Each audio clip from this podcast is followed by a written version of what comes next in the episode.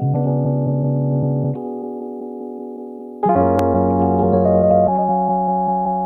teman-teman sekalian, kembali lagi di podcast Booster Talk, Boost Your Confidence. Nah, kembali lagi bareng aku, Adelia Saptari, yang mungkin suaraku udah kalian denger di episode Burnout yang kemarin. Tapi hari ini spesial banget karena kita bakal ada bertiga gitu.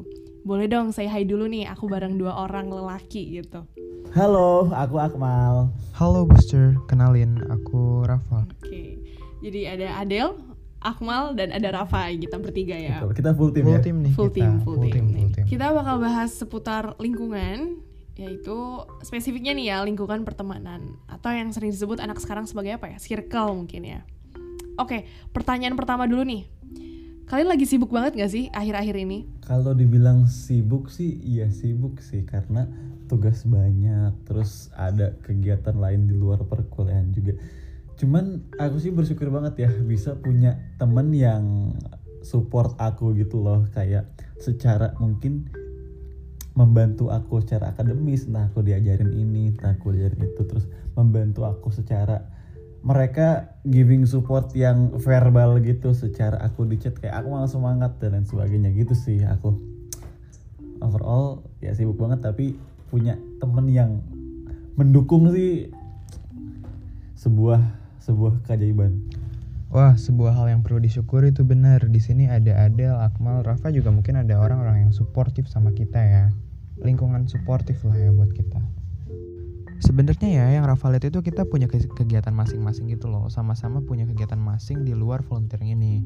Tapi karena kita satu volunteer di Booster Talk yang mana kita jadi podcast officer, em, yang kurasa ya, yang kurasa ini kita punya lingkungan yang baik sih, karena kita bertiga itu selalu em, komunikasi mungkin ya, jadi ngebuat kita itu em, have some ya lingkungan yang baik lah, yang suportif juga. Bener-bener bener, kita saling bantu sama lain ya. Oh ya nih, kita tadi udah bahas sedikit mention tentang lingkungan yang suportif itu baiknya buat kita gimana. Kayaknya kita bisa lebih enjoy juga buat ngejalanin ketika kita punya lingkungan yang suportif. Dan mungkin kita juga nggak terlalu menjadikan itu sebuah beban gitu. Oke, aku penasaran nih, kan lingkungan yang baik itu pandangan tiap orangnya pasti beda-beda ya. Nah, kalau dari Adel dan Akmal sendiri, lingkungan yang baik itu yang kayak gimana sih? Kalau dari aku ya, lingkungan sehat itu intinya kita aman, nyaman, dan bisa jadi diri sendiri. waduh super banget Super Gila, banget gak sih? setuju sih Del setuju setuju setuju Setuju kan? kalau dari aku pribadi sih gimana ya Em, setuju sih apa yang Adel bilang gitu cuman mungkin kalau dari aku di mana lingkungan yang sehat itu kita bisa apa ya kita bisa berkompetisi tapi kita nggak merasa tersaingi gitu loh. Di satu sisi kita selalu memperbaiki diri kita sendiri gitu selalu improve diri kita sendiri di lingkungan tersebut. Tetapi ketika teman kita yang lain pun ikut untuk memperbaiki dirinya kita nggak merasa iri kita nggak merasa kok dia begini aku begini gitu loh. Jadi itu sih menurut aku definisi lingkungan yang sehat gitu. Oke. Mungkin yang bisa aku tarik kesimpulan dari kalian berdua ya, bahwa lingkungan yang baik itu ketika kita bisa merasa aman, nyaman, ya safe place-nya kita lah. Selain aman dan nyaman, kita juga nggak mudah buat iri sama teman kita sendiri. Justru ketika ke teman kita ada yang lebih dari kita, uh, kita itu ikut senang dan menjadikannya itu sebagai acuan untuk lebih semangat dalam menjalani kehidupan. betul banget betul banget jadi jadi dorongan kita untuk ikut menjadi lebih baik gak sih jatuhnya Yap, Mm-mm, bener. benar tuh benar. Oke.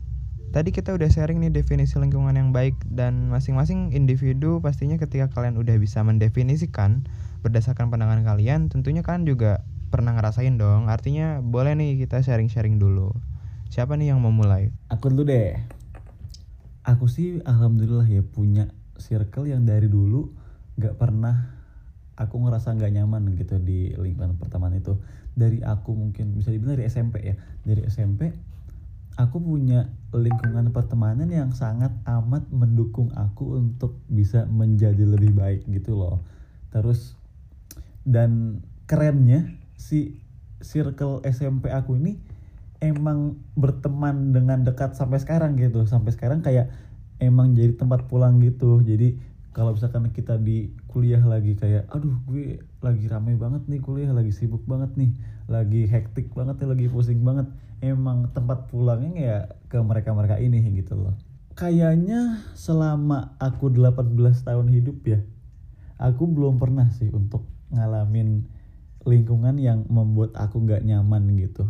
Apalagi circle gitu ya. Kalau dari Adela sendiri gimana nih? Oke, kalau dari aku untuk lingkungan SMP itu aku nggak terlalu memahami dia itu uh, beneficial apa enggak ya karena aku SMP tuh kayak lebih main gitu sih. Tapi di SMA itu aku bener-bener ngerasa ya, terutama aku kan nih sekolahnya boarding ya, SMA aku tuh boarding. Nah teman-teman asrama aku tuh bener-bener lingkup yang sehat banget kayak kita misalnya ada UTS tuh kita saling belajar kita belajar di kamar si A misalnya ini saling bantuin gitu-gitu kan terus uh, gimana ya uh, mereka itu membangun satu sama lain gitu loh. Jadi kalau kita tumbuh ya tumbuh bareng-bareng gitu, berkembang berkembang bareng-bareng. Jangan sampai ada yang tertinggal gitu sih. Kalau Rafa gimana nih? Kalau Rafa ya, sebenarnya kita bertiga ini syukurnya punya lingkungan pertemanan yang baik loh. Kayak ya dari cerita Adel, cerita Akmal gitu. Kalau aku sih lingkungan pertemanan yang baik tuh ketika aku waktu SMA itu pertama kali kayaknya aku dapat lingkungan yang sangat-sangat suportif di mana aku gabung sama teman-teman osisku dan juga ada teman kelas yang mana mereka tuh bisa dibilang kayak yang Akmal tadi bilang gitu rumah. Kalau dulu kayak mau ngeluh sambat atau ya mengekspresikan suatu emosi tuh apa pun ke mereka. Dan yang kurasa kalau mereka senang itu ngebuatku senang juga sih. Jadi masa SMA aku tuh pertama kali aku dapet lingkungan pertemanan yang baik I guess gitu. Bener-bener care gitu sih menurutku. Jadi nggak cuma sekedar kita temenan doang tapi bener-bener peduli gitu loh satu sama lain Bicara tentang lingkungan pertemanan yang baik, pastinya hidup gak selalu baik. Ada juga hal yang buruk, salah satunya lingkungan pertemanan yang buruk. Kemarin sebelum kita rekaman itu, aku sama Akmal sempat ada obrolan sih, bahwa temennya itu punya lingkungan yang kurang baik gitu. Bener gak Mal? Iya betul banget. Aku ada. Jadi aku tuh punya teman di apa ya di SMA gitu dia punya satu circle yang di mana dia itu sebetulnya nggak nyaman gitu di circle itu. Tapi karena gimana ya karena dia mungkin ngerasa ini temennya udah lama gitu temenannya. Walaupun dia nggak merasa nyaman tapi dia tetap aja gitu mm, ngebela-belain untuk apa ya menahan dirinya untuk tetap di circle itu gitu loh. Yang mana pada ujungnya sebetulnya akan nyakitin diri dia sendiri gitu gak sih Raf?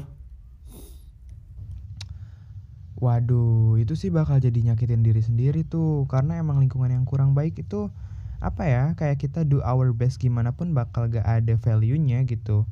Kalau di lingkungan yang kurang baik ya Jatuhnya menurutku jadi toxic relationship gitu loh. Tapi gak tahu sih ya, yang ku baca itu ketika kita ada dapatkan lingkungan yang kurang baik itu sama halnya kayak kasus penculik dan diculik. Namanya kalau nggak salah itu Stockholm syndrome gitu loh. Nah jadi reaksi yang ditimbulkan itu dari korban mereka tuh merasa harus ngikutin apa yang pelaku itu perintah. Karena salah satu cara yang membuat mereka hidup itu ya itu gitu. Tapi yang aku tangkap dari cerita Akmal ya kayaknya main reason kenapa orang-orang yang kayak terjebak gitu susah untuk keluarnya itu ya itu karena istilahnya apa ya udah terlanjur gitu loh. Mereka mikirnya ketika kita sudah terlanjur dalam waktu yang lama mungkin lebih baik seperti ini daripada kita keluar. Padahal nggak kayak gitu konsepnya ya sama halnya kayak lingkungan yang kurang baik ini gitu. Kita ngasih tahu hal baik ke mereka juga susah karena kalau bukan dari mereka sendiri mereka nggak akan bisa keluar dari lingkungan yang kurang baik tersebut. Karena ya tadi ketika uh, orang yang berada di lingkungan nggak sehat itu ngikutin flownya ngikutin flow uh, lingkungan yang kurang baik itu mereka ngerasa tetap uh, still alive gitu loh even though dia tersakiti. Tapi boleh koreksi ya kalau aku um, ada miss tentang Stockholm syndrome. Ya pada intinya uh, karena mereka udah berada di, di dalam lingkungan yang kurang baik jadinya uh, seseorang itu tuh harus ngikutin flownya gitu. Karena kalau mereka nggak ngikutin flownya dia ngerasa nggak nggak hidup Gimana gitu ya menurut aku lingkungan pertemanan itu yang seharusnya bisa membuat kita jadi lebih baik membuat kita merasa nyaman membuat kita merasa dihargai gitu. Kalau kayak gitu kan jatuhnya kita berteman hanya karena terpaksa gitu ya. Karena kita kepaksa terlanjur lama nih tapi walaupun kita nggak nyaman tetap aja gitu dilanjutin kan temenannya. Tapi kayaknya ini deh hmm, tidak semudah yang kalau kita ngomongin kayaknya tidak semudah itu deh. Soalnya kalau kita lihat teman-teman kita yang kayak uh, udah terlanjur masuk ya entah itu uh, toxic yang pertemanan ataupun dalam lingkup apa hubungan asmara gitu mereka tuh susah banget keluarnya. Padahal kalau kita mikir ya udah tinggal cabut aja gitu kan. Yeah. tapi ternyata ketergantungannya itu luar biasa dampaknya gitu kan itu yang susah sebenarnya. Tapi kayaknya kalau kita ngobrolin kontradiksi gak bakal ada beresnya deh. Better kita perlu tahu dulu nih cara preventif untuk kita biar nggak terjerumus ke lingkungan yang toksik tersebut. Oke aku punya sih tindakan preventif untuk menghindari apa ya uh, kita dari circle yang nggak sehat gitu. Dari aku pribadi singkat aja sebetulnya. Kalau emang ketika kita udah ngerasa gak nyaman gitu sama satu lingkungan pertemanan ini ya udah lebih baik kita nggak usah lanjutkan aja gitu pertemanannya. Karena ketika kita udah ngerasa ngerasa nggak nyaman gitu terus kita paksain ya ujung-ujungnya bakal tetap nggak nyaman juga gitu loh. Karena semua hal yang dipaksain kan gak baik ya. Jadi hmm, kalau udah nggak nyaman ya ya udah mungkin emang bukan apa ya mungkin emang bukan waktunya aja atau atau enggak emang bukan orangnya aja gitu untuk kita jadikan teman gitu sih mereka mereka ini. Gitu sih dari aku. Mungkin baiknya kita perlu tahu dulu nih ciri-ciri dan lingkungan yang kurang baik itu apa. Karena ketika kita udah paham sama lingkungan yang kurang baik itu gimana kita kayaknya lebih bisa meyakinkan diri kita buat beneran ning ninggalin lingkungan yang kurang baik itu deh berarti untuk ciri-cirinya tadi sebenarnya yang utama tuh kalian merasa nggak nyaman aja sih udah kayak nggak cocok gitu. Dan yang uh, kalian merasa kayak ini di circle itu itu menghambat gitu. Kalian tuh nggak maju kalian nggak berkembang. Karena gini aku tadi udah bilang di awal ya kita banyak nih berteman. Tapi yang benar-benar teman itu jarang.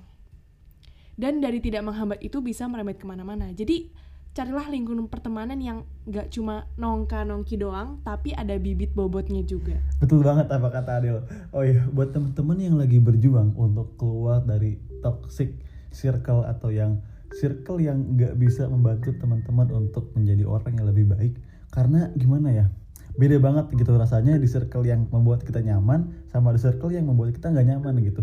Kalau di circle yang kita nyaman tuh kita mau berjam-jam kayak mau selama apa pun kita berada di sana gitu kita nggak akan merasa yang namanya capek. Capek capek ngomong iya mungkin. Tapi kita nggak merasa apa ya capek yang draining gitu loh. Sedangkan kalau di circle yang toxic kita kayak baru mungkin 20 menit setengah jam udah ngerasa capek udah ngerasa risih udah ngerasa nggak nyaman gitu loh.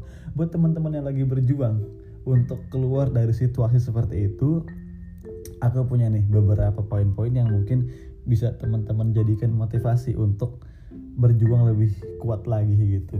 Yang pertama, ketika teman-teman sudah bisa keluar dari lingkungan itu, teman-teman yang mungkin akan bertemu dengan lingkungan baru akan bertemu dengan lingkungan yang bisa membentuk kepribadian teman-teman jadi lebih baik gitu. Karena semakin lama kita bersosialisasi sama satu kelompok tertentu tanpa kita sadari kepribadian kita pun akan mengikuti dengan kelompok tersebut gitu loh. Yang kedua teman-teman bisa punya pola pikir yang berasal dari lingkungan tersebut gitu. Seperti dari poin pertama yang aku bilang semakin lama kita berada di suatu tempat tertentu gitu ya satu circle tertentu pola pikir mereka pun akan mempengaruhi pola pikir kita gitu. Jadi diusahain ya teman-teman kalau misalkan kita punya teman kita harus memilih teman yang bisa kita ambil ilmunya yang bisa kita jadikan untuk tempat di mana kita jadi lebih baik gitu. Yang ketiga memberi pengaruh yang positif. Circle yang baik pasti ngasih pengaruh yang positif buat kita ya. Jadi entah kita ngerasa nyaman entah kita jadi lebih semangat untuk ngejalin hari-hari gitu dan lain sebagainya mungkin itu aja sih manfaat dari kita yang mungkin sudah bisa keluar dari lingkungan yang toksik gitu karena ya hal ini juga demi kebaikan kita semua Oke, itu dari Akmal ya. Dan aku juga mau ngambil kesimpulan dikit aja. Itu kalau kalian udah mulai gak nyaman sama lingkungan pertemanan kalian, segera keluar ya. Karena lingkungan yang baik itu yang kita bisa jadi diri sendiri ya. Kita nggak berpura-pura jadi orang lain.